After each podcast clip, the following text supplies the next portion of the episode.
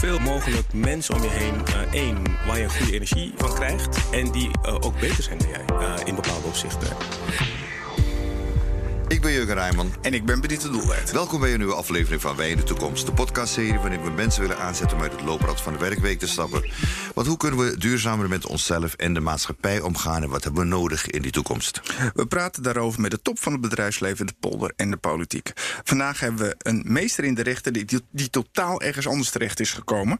Hij presenteert, fotografeert, heeft een eigen kledinglijn... schrijft boeken en is ooit uitgeroepen tot best geklede man. Kortom, met niemand anders zitten wij vandaag in de studio dan Umberto Tan. Nou, voordat we verder gaan, nog even dit. De podcast wordt mede mogelijk gemaakt door Pjotter.com. Met Pjotter.com vind je eenvoudig de beste Europese flexwerkers. En zo win je tijd en rendement. Kun je meer aandacht geven aan de mens achter de opdrachtgever en flexwerker. En onderscheid je natuurlijk van andere uitzendorganisaties.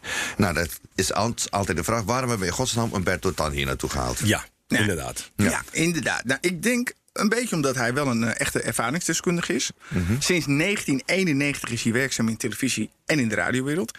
Hij heeft bijna alles gepresenteerd. Of hij heeft eraan meegewerkt. dus we kunnen hem wel vragen hoe gaat het in 2050 eruit zien? Ja. ja, dan ben ik dood. Daarom moet je alleen maar zeggen hoe het eruit gaat zien. Wat jij gaat doen in 2050. Ja. nou ja, je heeft het al gehoord, dames en heren. Hij is elf al in de studio. Dus uh, hij, hij praat al direct mee. Dat is ook iets van mensen die ervaring hebben in het vak. Hè. Die praten gewoon mee. Meestal blijven gasten stil totdat je ze introduceert en ja. een naam doet en vraagt. Maar sommigen, nee, ja. Ja, ja, dat is in dit geval ook echt nodig. Maar, maar Umberto, hoe is het met je? Uh, het gaat heel goed met mij. Het is, uh, het, het is best een hele drukke periode. Um, ik denk dat de afgelopen weken, wat je ziet door corona, zijn natuurlijk heel veel um, dingen weggevallen bij een hele grote groep mensen. En ik behoor tot die uh, categorie uh, van die 30% wat uh, eigenlijk um, drukker is geworden dan ooit. Omdat heel veel bedrijven bijvoorbeeld organiseren online talkshows. Ja. nou, gisteren bij de KNVB en woensdag ook bij het Nederlands elftal voor ING. straks bij een bedrijf, een leasemaatschappij, een interview. Nou ja, goed, dat, dat gaat zo door. Ja. En daarnaast ook nog het andere werk gaat gewoon, gewoon door. RTL gaat gewoon door. Radio 1, wat ik doe elke vrijdag, gaat door. het fotograferen, wat ik doe gaat door. Dus het is um, veel ballen in de lucht proberen ja. te houden. Ben je bang dat je werkeloos raakt, dat je zoveel doet? Ik ben bang dat ik verveeld raak. maar we, we kunnen nou, dus... maar eigenlijk, eigenlijk is het niet goed. Want eigenlijk is verveling is, uh, is een hele belangrijke inspiratiebron. Want juist ja. door verveling ga je nieuwe dingen bedenken. En als je niet oppast, als je steeds in een rijdende trein blijft zitten... dan komt er geen, nieuwe, ja. geen nieuw bloed bij. We spraken een keer met Jeroen Pauw en die zei het ook van... hij is bewust dat hij echt momenten heeft dat hij gewoon niets doet. Hij zei, maar dan moet je echt, dan, ja. dan gaat je fantasie werken. is dus, echt veel beter. En dat heb ik nu eigenlijk te weinig. Maar we kunnen dus stellen dat Umberto Tan is gewoon coronaproof. Dat blijkt, ja. Dat blijkt. Dat, dat weet je natuurlijk ook niet, maar dat blijkt wel. En, en ik, ik weet dat uh, de eerste lockdown was op 12 maart. En twee weken later draaiden we al het programma Het zijn het mensen. Uh, oh ja. Dus ik heb uh, eigenlijk twee weken maar thuis gezeten. -huh. En daarna ging Het zijn het mensen ging draaien. Hollands Got Talent ging draaien. Humberto Onderneemt ging draaien. Uh, Radio 1. Uh... Radio 1 bleef doordraaien. dus het, het was een hele, het is een hele gekke tijd. Ja. We hebben altijd twee vragen die we stellen aan het begin van de podcast. Benito stelt de, de eerste vraag. Ja, als je het zo dwingend zet, weet ik niet of ik er zin in heb. Dat doe je. Dat is gewoon dat is nu. Nee, ja, okay, stel die vraag maar. Je moet. Je moet. Van, werk, van welk werkgerelateerd onderwerp lig je op dit moment wakker? Ik, van welk werkgerelateerd onderwerp? Ik lig niet vaak wakker van werk.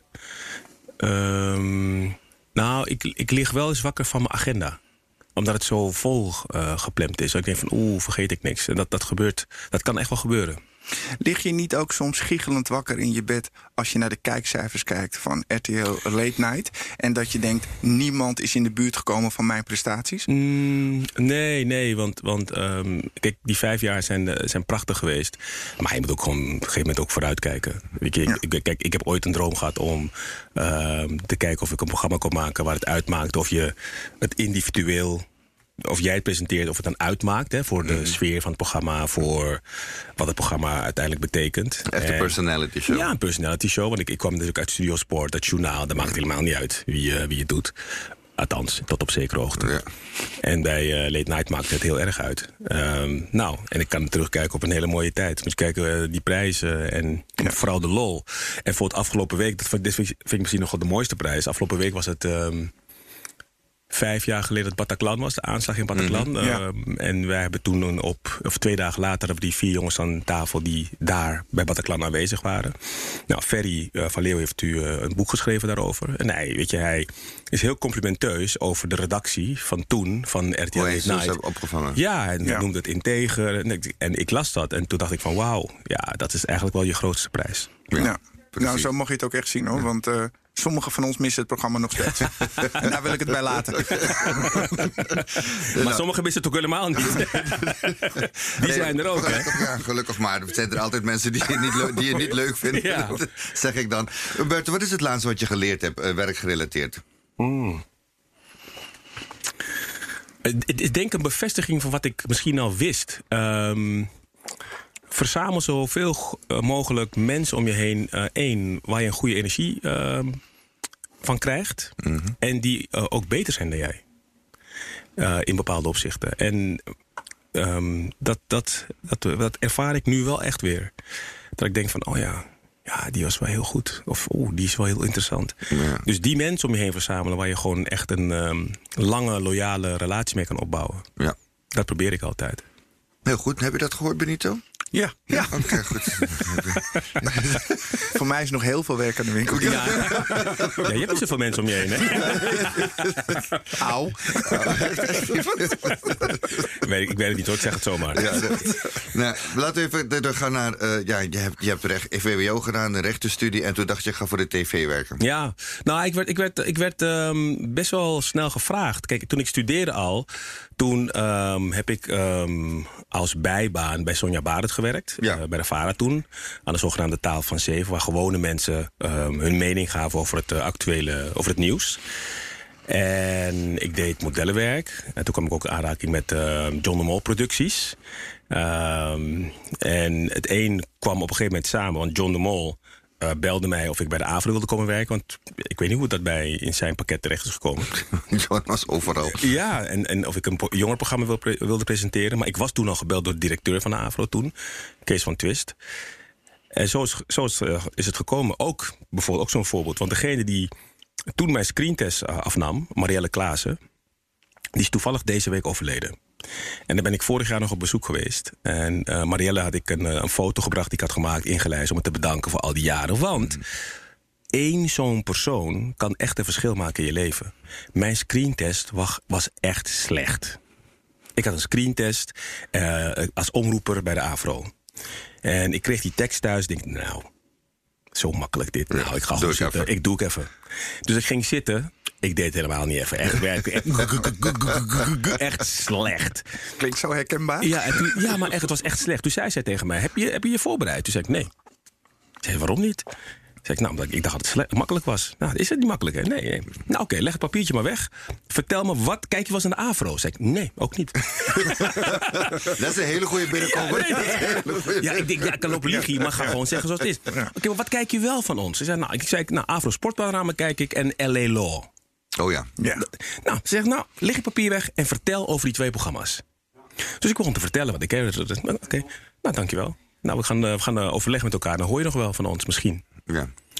Toen heeft ze me opnieuw uitgenodigd. Voor de nieuwe screentest. Voor de nieuwe screentest heb ik me echt voorbereid. En dat ging heel goed. Toen heb ik het later gevraagd. Waarom deed je dat eigenlijk? Zei ze, ja, ik zag potentie in je. Kijk. En het gaat er niet om, om eh, wat je nu kan. Het gaat erom wat ik denk dat je in de toekomst kan. En wat je vaak ziet bij eh, talentontwikkeling en ontdekking... dat men eigenlijk heel te veel uitgaat van wat mensen nu kunnen. Ja. En te weinig kijkt naar wat mensen in potentie in de toekomst kunnen. En zij zag het heel duidelijk. Dus zij is overleden eh, deze week. Dus ik heb op Radio 1 ook een plaat worden gedraaid. Ehm, en ik ben heel blij dat ik al die jaren, sinds 91, heb ik altijd contact met haar gehouden. Weet je, wel, was het één, twee keer per jaar. Ja. Of ik kan praten of bellen. Eh, vorig jaar dus bij haar op bezoek geweest. En dus ja, zo ben ik begonnen bij televisie. Je bent ook ondernemer, je hebt heel veel dingen gedaan. Ehm, het onderhouden van je netwerk. Ja. Het is onderhoud. Hoe, hoe, ja, mensen onderschatten dat vaak, maar hoe belangrijk vind jij dat? Heel belangrijk, heel belangrijk. Het is toch, weet je, al is het een appje, al is het op bezoek gaan, al is het zonder.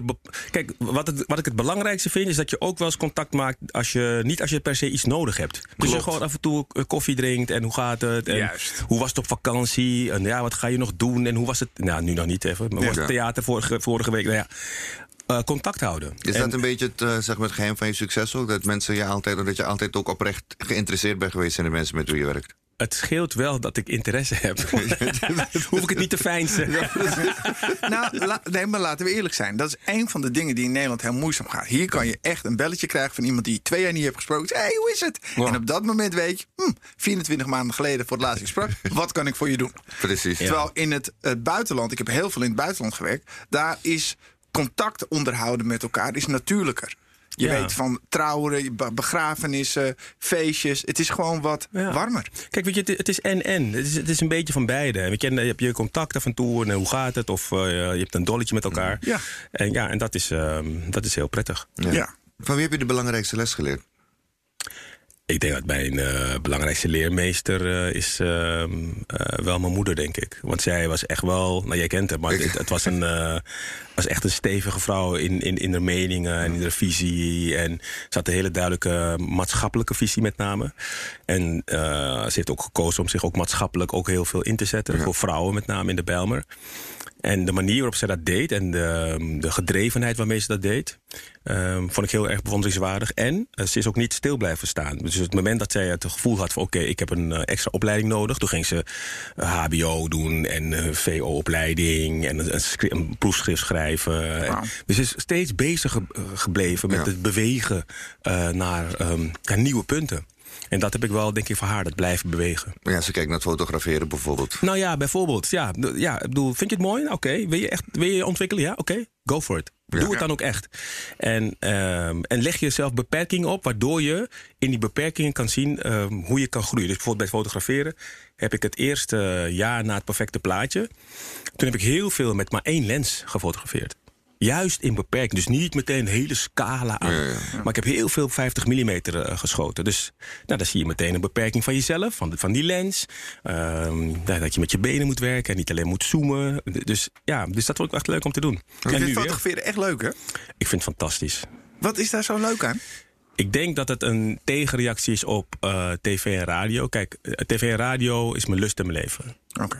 Maar je bent wel altijd afhankelijk van elkaar. Dus het is altijd in een groep mensen dat je het doet. En dat, dat, daar gedij ik bij. Maar weet je, nou, je bent technicus nodig, je hebt bij televisie licht nodig, geluid. hè. Je doet het niet alleen. En dat is prima. Bij fotograferen, 9 van de 10 keer sta je er totaal alleen voor. En die uitdaging om iets totaal alleen te creëren, ehm, ja, dat vind ik heel erg mooi. Een project wat ik nu aan het doen ben met mensen van 100 jaar en ouder. Eh 100 mensen van 100 jaar en ouder eh, fotograferen en eh, met ze praten over hun leven. Weet je, wanneer waren ze het gelukkigst in hun leven? Ja. Wanneer waren, waren ze, hadden ze angst in hun leven? Hebben ze nog dromen als je 100 bent? Heb je nog dromen? Of pff, wat heeft het leven ze geleerd? Nou ja, wat jij me net ook eigenlijk vroeg. Ja, weet je, dat kan je bijna alleen maar. Is het mooist één op één. Ja. Eh, dat, dat kleine, dat intieme. Nou, dat vind ik zo mooi van fotograferen. En dan ga je naar huis en dan stop je het in je computer. En soms denk je op locatie denk je van... Hm, goede foto. En dan zie je op je computer helemaal niet. Of omgekeerd. Ja.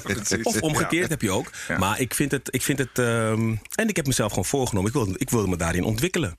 Ik wilde gewoon eh, op een gegeven moment ook geld verdienen. Ik wilde op een gegeven moment ook een prijs winnen.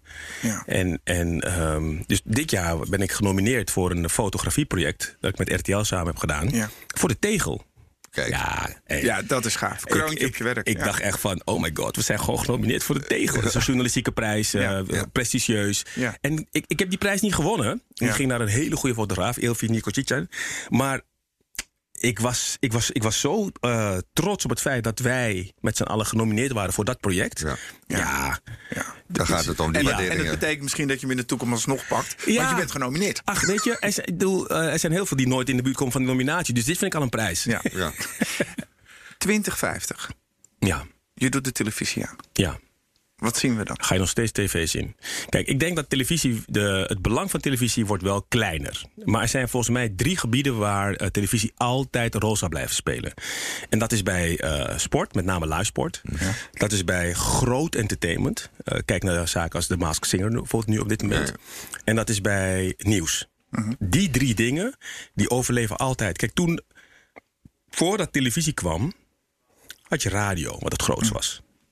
Toen kwam tv en toen zei men radio gaat verdwijnen. Ja. Nou, radio is echt niet verdwenen. Totaal niet. Alleen mensen luisteren anders. Luisteren, mensen luisteren misschien iets minder, maar ze luisteren nog steeds heel Ja. veel. Eh, of kijk wat ze bij BNR doen met bijvoorbeeld die podcast. Dat je een kleine groep mensen hebt. Misschien zijn het maar ehm, 500 of 600 mensen die luisteren. Maar wel 500 of 600 managers. Dan is het heel belangrijk. Nou, bij televisie is het net zo. Het gaat nog steeds gaat het, ehm, echt mooi zijn als het Nederlands elftal speelt. Op een EK, halffinale, kijken er nog steeds 4 miljoen mensen. En wordt er dan meer video on demand voor de kleinere niches, zoals bij de podcast? Dat denk ik wel. Ik denk dat ehm, we nog maar aan het begin staan van die podcast-revolutie. Kijk, nu is het nog best wel lastig om te kijken hoe je een verdienmodel loslaat op een podcast. Een aantal mensen kunnen dat goed, hè. Ehm Sander Schipperpenning doet het heel veel goed. Die verdient eh, goed. Die heeft een open podcast en voor een deel heeft hij een, een abonnementstructuur. Dat je drie of vier euro, geloof ik, betaal je per maand. Nou, Dan, duizend mensen zijn bereid dat te doen. Eh, nou ja, BNR verdient er ook eh, geld aan. En zo zijn er nog een paar, maar niet massaal. Nou, ik denk dat dat wel veel meer zich gaat ontwikkelen. Dat je veel meer ook gaat zoeken naar je eigen interesses. Ik bedoel, ik, ik, ik reed van eh, Parijs naar Amsterdam. Nou, dat is vijf uur rijden. Nou, dan vind ik het lekker om eh, anderhalf, twee uur te luisteren naar mijn, naar mijn Spotify. Ja. Op een gegeven moment wil je ook wat anders. dat informatie ja, gooien. Ja, Ja, en, en ja, dan, dus ik- ik ging naar podcasts zoeken. Nou, pff, Wat, wat, wat, me ook, is- ja, wat me ook is opgevallen, Umberto. Ja, als je een beetje geluid hoort, dames en heren. We hebben de podcaststudio deur open gelaten. Omdat, eh ja, vanwege de de ventilatie. sauna. Anders is Dat het de de sauna. sauna. En we moeten ventileren, hè, corona ventileren. Oh ja, oh Dit ja. is ook belangrijk. Maar ehm, waar ik even naar terug wil gaan. eh, als je kijkt naar televisie. ehm, het maatschappelijk gesprek is behoorlijk gepolariseerd nu. Ja. Eh, je merkt dat bij televisie. ehm, en ook bij de, bij de media, de MSM zoals ze dat zeggen, de mainstream media. komen vooral de extremen vaak aan het woord. Eh, dat, is, dat maakt goede televisie, zeg maar. Je moet een discussie hebben aan tafel Ja. en zo. Maar dat zorgt ook dat de polarisatie steeds groter wordt eh, binnen de samenleving. Denk je dat de televisie ook nog gebruikt kan worden voor depolariseren? Of zoals Benito het zo mooi zegt, om het morele kompas in het debat weer te kalibreren? Ja, ik denk dat het heel belangrijk is. Kijk, wij zijn, wij, televisiejournalisten en journalisten in het algemeen, zijn inderdaad eh, vaak geneigd om die buitenkant op te zoeken. Of juist die scherpe kant op te zoeken. En de nuance in, eh, een beetje eh, ja, weg te laten, omdat het wat saai wordt gezien. Maar ik denk juist dat die nuance heel erg belangrijk is. Ehm, maar dan moet je bereid zijn om dat te doen. En wat je, wat je toch een beetje ziet, is dat ehm, vanwege die kijkcijferstrijd.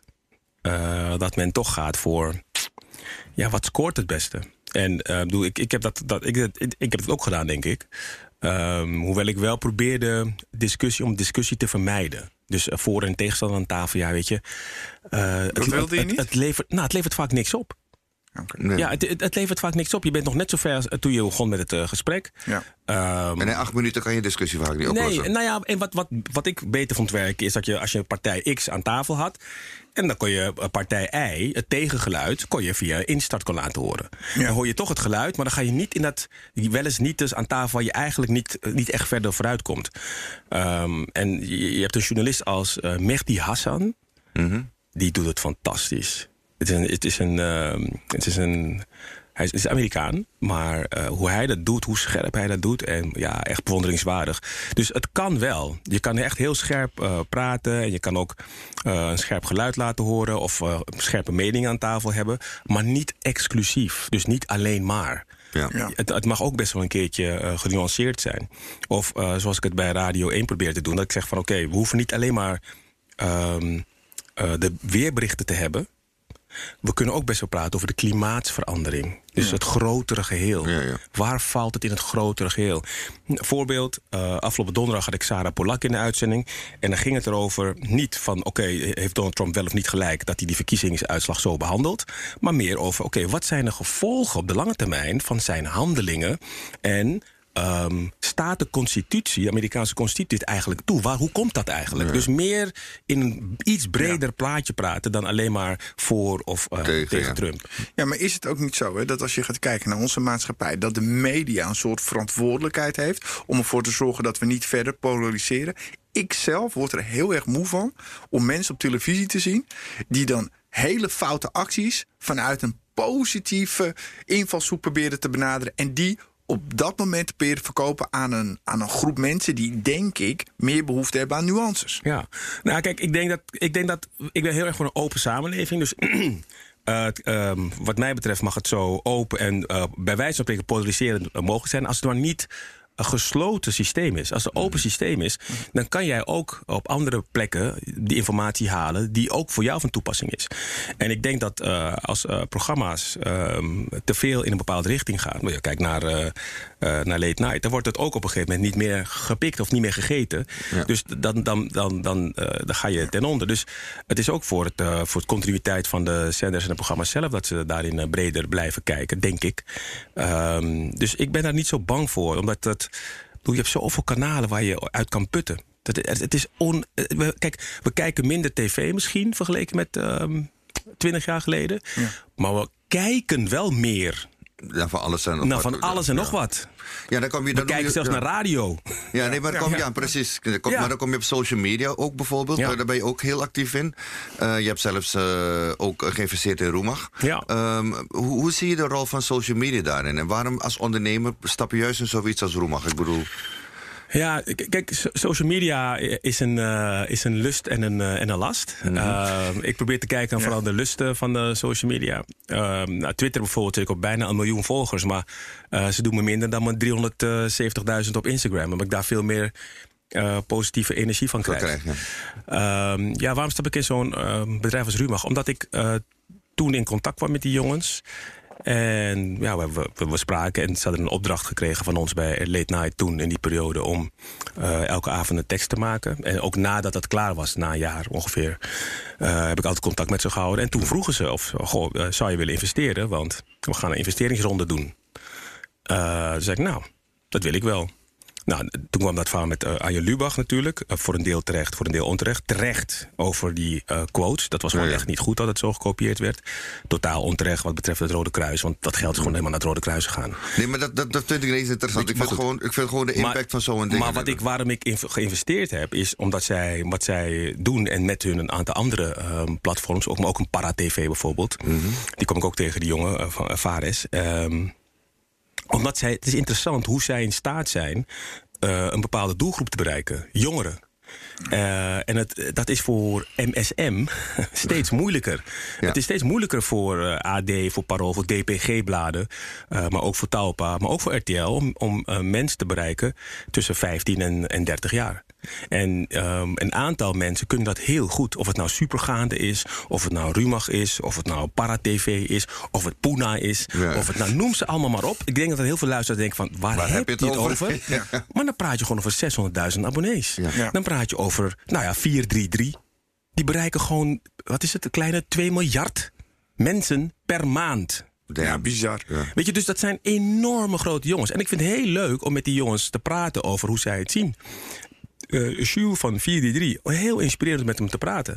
Eh, weet je, dus dus da- daarin voed ik mij ook met hun kennis en hun passie om te weten: hé, hey, hoe beweegt het? Hoe werkt dit? Maar zie je daarin ook een moot, een, een- dat de jongens echt bewegen ook om bijvoorbeeld ehm, met educatie bezig te zijn, met maatschappelijke issues bezig te zijn, om daar ook in te sturen? Of is het voor hun gewoon puur en denk dan we moeten hits hebben, kliks en daar gaat het om? Dat is het grappige bij, bij Rumach. Dat ehm, ehm, de, de tijd werd ingezet voor het Rode Kruis. Omdat, om precies dit te bereiken. Dat je niet alleen maar probeert eh, geld te verdienen. Maar juist dat je maatschappelijk ook probeert in te zetten. Om ideeën die bij een, eh, goede, een goed doel leven. Om dat te proberen aan de man te brengen. Om te kijken of je eh, die jongeren kan koppelen aan die doelen. Dus ja, dat gebeurt wel.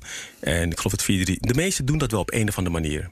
Weet je, niet altijd betaald. Soms gebeurt het ook vanuit hun eigen intrinsieke motivatie. Is het ook niet zo dat als je gaat kijken naar, naar, de, naar de samenstelling van bepaalde redacties, dat daar ook gewoon een hele grote uitdaging is?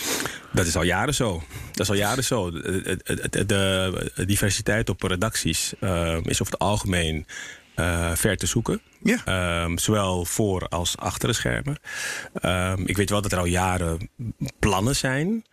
Maar uitvoering is altijd heel lastig, kennelijk. Maar waarom is dat? Want, want zoals wij het zien, hè, want eh, ik heb zelf ook een bedrijf en wij zijn heel erg divers. Dat maakt ons ook succesvol in wat we doen, want we kunnen dingen vanuit verschillende invalshoeken benaderen. We hebben zelfs iemand uit Brabant. Nou, Ja. dan, Dan ben je echt divers. je echt divers.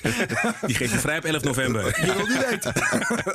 maar mijn punt is, het kostte ook geld. Dus als de motivatie niet is eh, een beter product, het gaat ook ten koste van hun commerciële positie. Dus wat, waarom zijn ze dan alsnog niet gemotiveerd om dat op te pakken?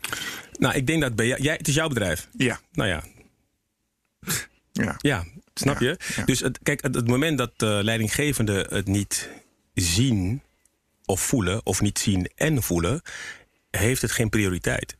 En um, zelfs als er uh, ergens een afdeling is die zegt, nou wij vinden het belangrijk, als de leiding niet meedoet of dat niet voelt, dan gebeurt er helemaal niks. Het begint bij de, kop, bij de top. En, en, en um, anders is zo'n diversiteitsafdeling een eiland in een bedrijf en dan gebeurt er niks. Ja, het is toch te bizar. Het begint bij de top. En als de top het niet voelt, dan zal je zien, dan kan je zoveel plannen maken wat je wil. Je kan investeren, et cetera. Ja. Ja, dan gebeurt er gewoon niks. Ja. Nee, ik heb het wel eens meegemaakt bij de NPO. Daar hebben ze dan weer zo'n diversiteitsmeeting. Daar hebben wij allebei wel meegemaakt ja. dat er plotseling iets komt in het nieuws. En dan word je door iedereen gebeld. Kom direct aan tafel zitten. En dan ga je één keer aan tafel zitten. En dan, ja, oké, okay, we gaan het erover hebben. We gaan er, En dan komt het, gebeurt er nooit meer iets. En als het gaat over ondernemersnieuws, bijvoorbeeld, als je nu naar de statistieken kijkt, de meest succesvolle nieuwe ondernemers zijn mensen, ondernemers met een dubbele etniciteit. Maar ook op de zakenzenders in Nederland worden ze niet vertegenwoordigd. Heel weinig. Alsof ze niet bestaan. Ik heb hun werk de onderneemd gemaakt. En daarin heb ik ook, daar hebben we twaalf ondernemers geportretteerd voor RTL Z. Um, en daarin heb ik ook wel echt uh, gekeken naar uh, hoe, uh, hoe divers kan je zijn. Nou, er zit iemand in een CNEP dag die een schoenenmerk is begonnen. Ja, okay. weet je, dus, dus Atelai je hebt Oeseloo, Atelai zat erin. Maar ja. genderdiversiteit heet het. En um, NWA, niet-westerse achtergronddiversiteit. Ja, ja. dus die twee diversiteit, die, daar, daar NWA was vroeger niggers with attitude. Maar is niet ik, wilde, ik was al bang. Ik weet het, daarom vertaalde ik het meteen. nee, maar ik vond het wel belangrijk om als je in die twaalf ondernemers. Um, dat je dat het één, dat het een heel diverse afspiegeling was van wat ik kende. Want het zijn allemaal men, heel veel mensen uit mijn eigen omgeving ja. die ik uh, gevraagd heb. En die ook een heel interessant verhaal hebben. Maar er is ook die wijnbouwboer in, in, in Maastricht. Ja. Snap je? Dus het, is, het, is, het was heel uh, divers. Van Attilai, CNEP, uh, nou ja, noem maar op. Dus ja, je hebt gelijk. En kijk nou nu het vaccin. Het vaccin ja. van, van ja, Pfizer. twee Turkse mensen. Ja, ja twee immigranten uit Turkije, uit Duitsland. Ja. Snap je dus, als je alleen maar kijkt naar. En die neiging heeft het nieuws vaak, hebben wij vaak als ja. media. Alleen kijk naar de negatieve aspecten van die multiculturele samenleving. Precies. Die volgens uh, uh, Snabel, hoe lang geleden was mislukt? Ja. Ja, ja snap je? Ja, dus alsof het een stilstaand water is of zo. Ik bedoel, dat het niet beweegt. Ik, ik, nou ja, goed. Maar je, je kan ook, de, de, de, krachtige kant, dat zit hem ook in dat ondernemerschap. Dat klopt, ja. Ja. ja. Wat, ik, wat ja. ik ook aan de jongens heb gezegd, weet je, ik vind het mooi dat ze ermee bezig zijn. Maar het is zoiets van, ja, als je bij de publieke omroep zit, val je dan toch weer onder de publieke omroep die gaat bepalen wat je wel of niet uitzendt. In hoeverre zie je dat ze nog een bepaalde vrijheid kunnen krijgen? Of hoe zouden ze zich via andere platformen misschien nog meer moeten Ja, je, ben, je bent altijd wel een klein beetje beperkt. Natuurlijk, omdat je binnen een, een, systeem werkt. Maar ja, binnen hetzelfde systeem heb je dan wel, als het goed is, uh, draagvlak van 50.000 leden. Dus uh, dat is je argument om aan te geven, nou ja, maar toch willen wij dit doen. En je kan je mensen activeren. Plus, er is één groot voordeel vergeleken met alle omroepen die een jaar of tien geleden zijn begonnen. Je hebt ook social media en, en social platformen. Dus je, je, voor een deel ben je niet afhankelijk van wat uh, ja. de publieke omroep wil. Daar kan je misschien niet meteen geld aan verdienen. Maar je kan wel laten zien wie je bent. En je kan wel laten zien welke verhalen je wil maken. Je kan podcasts maken. Je kan YouTube-filmpjes maken. Je, kan, je bent voor een deel minder afhankelijk van die omroep. Dus ja. uh, ook als ze het niet redden. Stel dat ze uh, stranden op 49.999 en één tekort komen. Dan moeten ze weer vijf jaar wachten. Uh, zou ik tegen zeggen, ga vooral toch door. Als ja. je dat financieel kan dragen, als je er een sponstafel kan vinden, ga toch door. Want er is draagvlak genoeg. Ja, maar ik denk ook dat als je dingen wil veranderen, uh, it's not supposed to be easy. Dus ik heb altijd moeite mensen, ja, het is me niet gelukt. Nou, dat denk ik mooi, want nu weet je wat je anders moet doen om het wel te bereiken. Als winnen makkelijk was, zou iedereen het doen. Ik bedoel maar. ja, nee, maar zo is het. Nee, maar dat is echt zo. Denk jij niet, denk jij niet dat als je uh, gaat kijken naar de toekomst van de media, dat um, um, dat het heel erg belangrijk is dat we uh, plekken gaan creëren waar jonge mensen zich kunnen ontwikkelen. Um, en dat we misschien aan jonge mensen moeten vertellen dat ze niet moeten proberen om de grote organisaties te veranderen. Er is een meneer geweest, Peter Lehey, die leeft helaas niet meer, was een, een veranderingsdeskundige. Die had het altijd over biotopen en isotopen. En die zei altijd, die Peter praatte heel erg geaffecteerd. Hij zegt, Benito, bij grote bedrijven, daar gaan ideeën naartoe om te sterven. En is dat ook niet zo in medialand? Weet je wat het mooie is daarvan? Wat jij nu zegt, dat gebeurt al. Uh, wij, onze generatie. Ik weet niet hoe oud jij bent. Oud. Hij is jonger dan ons. Hij is jonger dan Weet ons. je, Hij is jonger dan ons. 49, Ja. 55, weet je, bij Jurgen. Wij praten vaak nog vanuit bepaalde structuren. Ja. Maar als je kijkt naar, eh, nou, kijk naar mijn dochter bijvoorbeeld. Ja, eh wat de laatste discussie. Ja, moet je niet geen werk zoeken? Dit, dat ik, zeg, ik ben aan het werk. Ik ben nu een, een post aan het maken. Ja. Oh ja, wat krijg je daarvoor eigenlijk? Ja, precies. Ja, voor die post. Ja, 2000. Oké. Hoe lang moet je daarvoor werken als je in dat koffie... Want je hebt ook in een koffieshop gewerkt. Ja, Hoe lang ja. moet je daarvoor werken als je in een koffieshop werkt? Ik, eh, reken dat eens uit. Zei ze, nou, eh, vier maanden. Wauw. Ja. Dat was een ochtend. Ja, ja. Dus, dus de, Ja. die wereld, daar, daar heb je al zoveel eh, jonge eilandjes, noem ik het maar eventjes... die al precies doen wat zij willen met hun eigen achterban. Ik, we noemen net al een aantal namen waarvan mensen zeggen... ja, wie zijn dat? Maar die ja. hebben heel veel achterban. Dus wat jij zegt, dat gebeurt. Alleen... ehm, wat je, tegelijkertijd zie je ook dat ondanks het feit dat die, eh, een hele grote groep jongeren al die achterban kan creëren, nou, Koen eh Wijlands, goeie, vo- goed voorbeeld. Koen eh, was eh, wereldkampioen, althans nummer 1, drie keer de nummer 1 op de ranglijst voor FIFA Game. FIFA Gaming. Ik zag hem gisteren bij een uitzending die ik deed. En hij is echt succesvol Ja. in zijn wereld. Echt heel succesvol. En toch heeft hij ook de behoefte om naar televisie te gaan. Eh Ananushin, je ziet dat ze heel succesvol is online. Ja. Ja. Maar toch ook een. Is het een soort televisie- erkenning, een grote Het is een, erkenning? Martin Garrix ook. Ja. Die, die heeft een waanzinnige online community. Ja. En toch, als ze iets nieuws hebben of een bepaalde erkenning, is toch ook stations, radio of tv. Dus, dus die, die, die macht van dat ehm, televisiemedium en van, dat, eh, van, ons, van radio, ook, maar vooral ook televisie, blijft nog echt heel groot. Het, is emo het is bijna iets Het is een emotioneels. emotie, ja. Want in principe, als, als ik kijk naar eh, cijfers, hebben ze het niet nodig. Nee, zeker niet. Maar zij vinden dat ze het wel nodig hebben. Dus dan is het ook zo. Ja, maar wat ik dan ook zie, wat ik dan ook zie, is dat bijvoorbeeld wat heel veel eh, omroepers doen, is dat ze dan vloggers en bloggers, eh, of vooral vloggers gaan proberen te halen, influencers om programma's te maken, die dan valikant doodslaan op tv. Ja, ik, ik weet niet of het zo is, maar mijn gevoel zegt me dat vaak. Oké, dan zien ze een talent eh, op, eh, op YouTube of eh, online. En dan halen ze zo'n talent binnen. En vervolgens gaan ze zeggen wat ze, wat ze moeten doen. Ja. Ja. De kracht was nou juist dat ze vooral niemand hadden die zei wat ze moeten doen. Ja. En daarom waren ze. En nu krijgen ze. Ja, maar ik. Kaders. Misschien. Ja. Dat, ja, Dan gaan ze ja. ze kneden naar de tv-vak en dan gaat dat het gaat dus niet. Ja. ja, je neemt iemand omdat je iemand wil. Juist. En eigenlijk moet je gewoon op output, zou ik dan Ja. meer eh, gaan sturen. Van luister, succes met wat je gaat doen. Ik heb geen idee hoe je het gaat doen. Je hebt 30 minuten per week. De Doe muscle, best. doe Ja. je best. Nou, en laten we over een maand, over twee maanden, over drie maanden kijken hoe het werkt. Of we de cijfers hebben die we willen dat, we, dat je zou moeten hebben. Of eh, de impact, want het hoeft niet alleen maar cijfers maar ook impact. Of de impact er is zoals wij het willen hebben.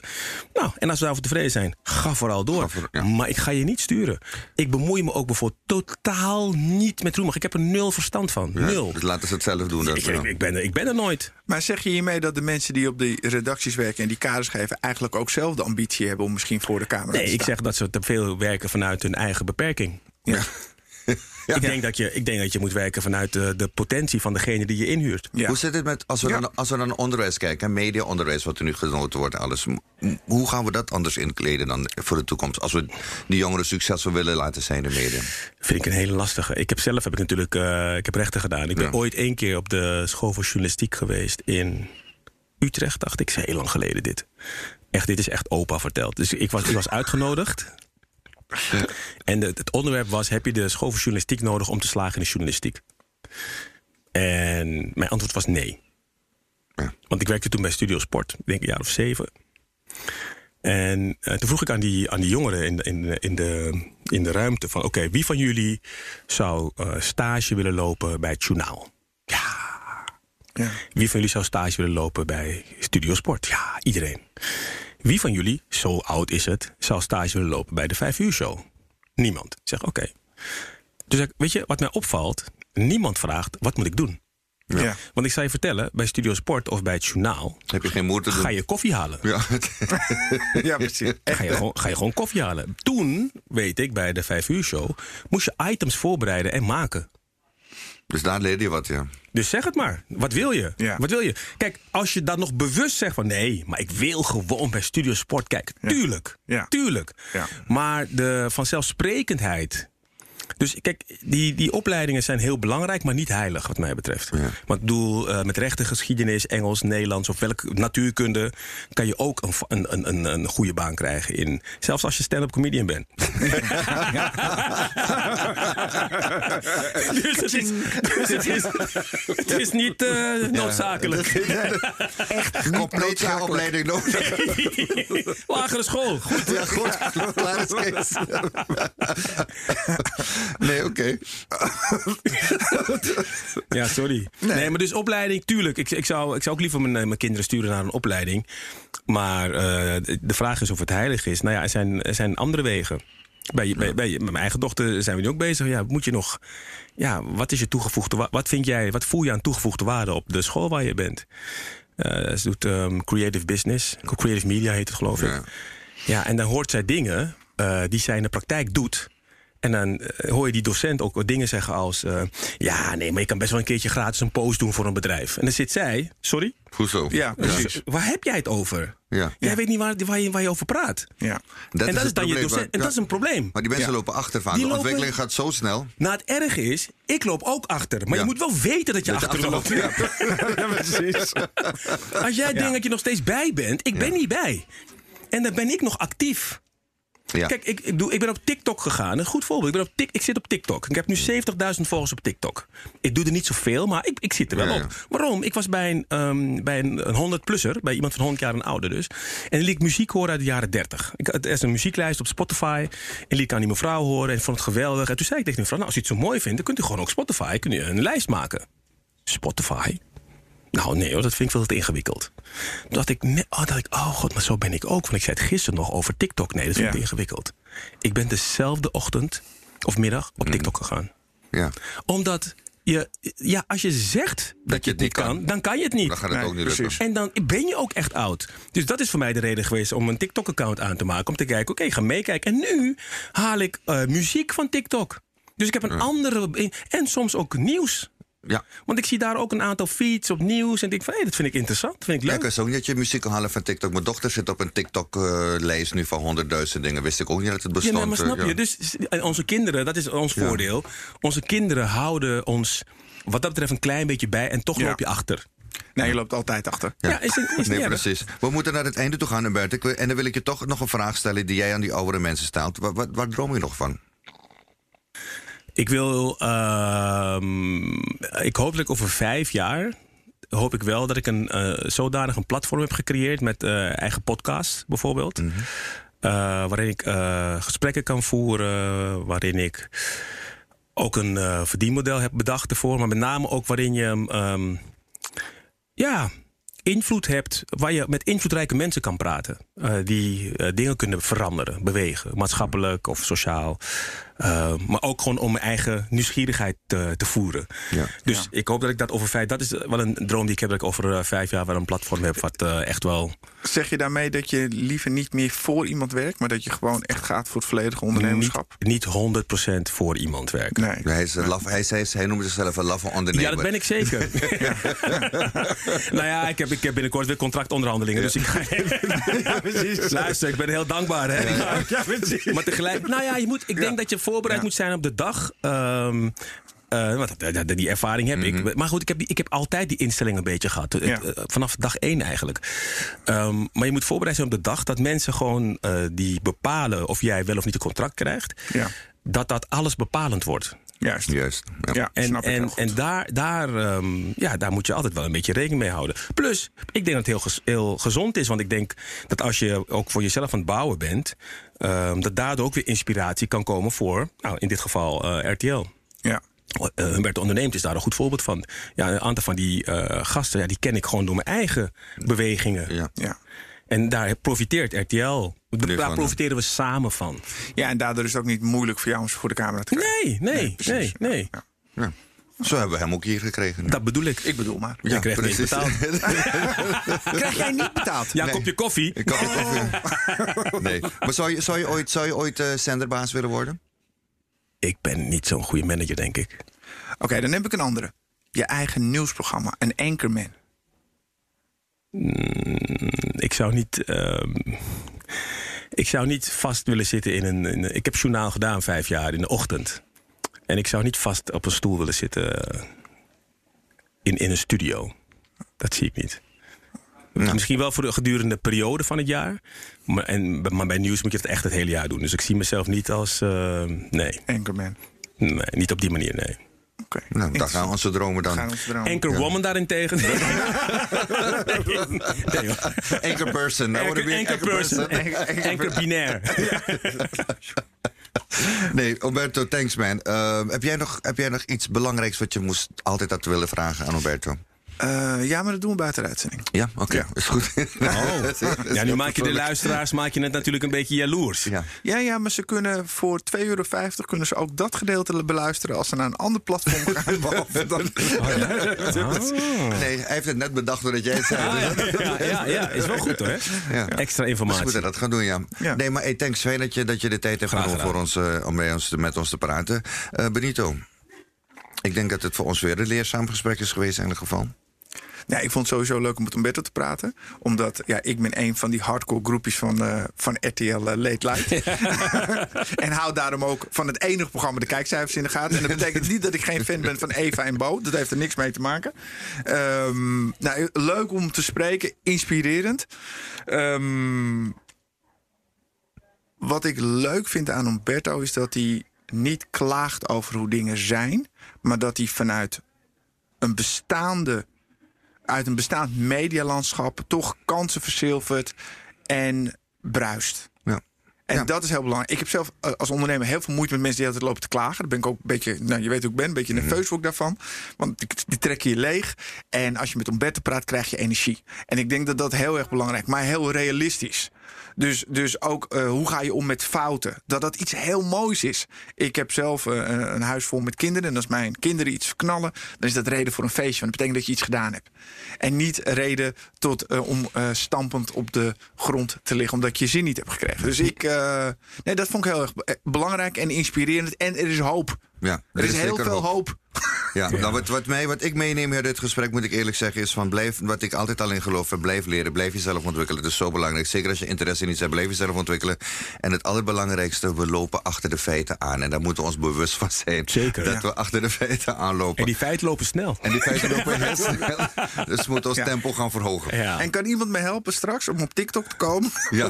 is gewoon, is, is, het is fantastisch. Ja, ik heb TikTok als Ja? tante S Ja. gedaan. Ik ga het als mezelf Ik vond het geweldig, ja. Als tante S had ik echt, ik had ook binnen twee weken had ik 20.000 followers. Ja. Het is echt eh, ongelooflijk. En je Dus, hebt een eh, hele jonge doelgroep, hè? Oké. Ja. En het is niet alleen die, eh, die dansjes zijn top, maar het is ook het, je, je kan uiteindelijk ga je ook daar net als Instagram, ga je je eigen feeds volgen met nieuws als je wil, maar ook gewoon met jongeren die je niet kent, die echt commentaren geven, columns geven op de politieke situatie, op Black Lives Matter, op echt dat ik echt denk van wow, TikTok? Ja, op TikTok, TikTok, ja. ja. Echt, ja. Oké. Tik- Dat bedoel ik. Dat is tik.